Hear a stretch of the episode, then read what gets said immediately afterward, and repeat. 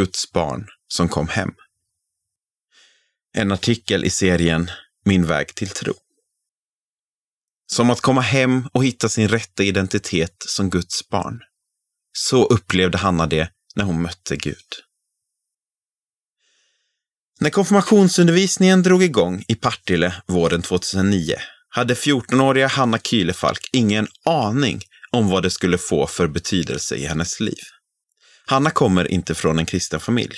Även om föräldrarna inte var kristna ville de att Hanna själv skulle få välja vad hon vill tro på.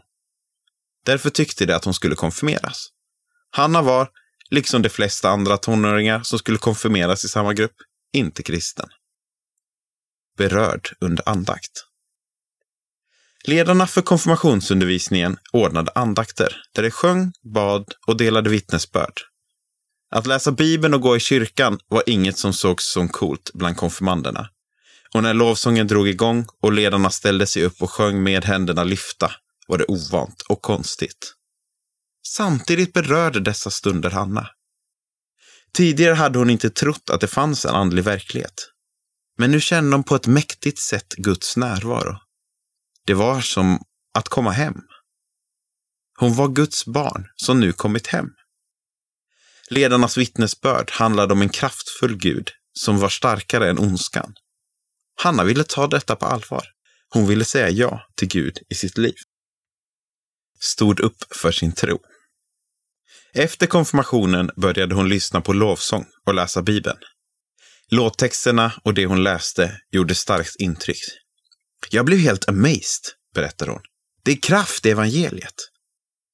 I början gjorde hon det mest i smyg, samtidigt som den vanliga vardagen rullade på. Men efter ett halvår längtade Hanna tillbaka till kyrkan. Hon ville leva efter Guds vilja och började stå upp för sin tro. Även om det inte alltid var lätt inför gamla vänner.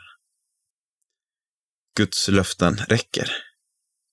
Idag är Hanna en frimodig kristen.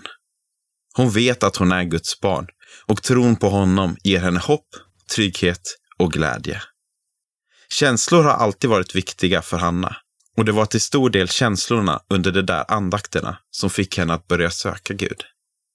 Men med tiden har hon också lärt sig att Gud inte bara är där när vi känner det, utan att han också finns mitt i vardagen. Guds löften räcker, säger hon.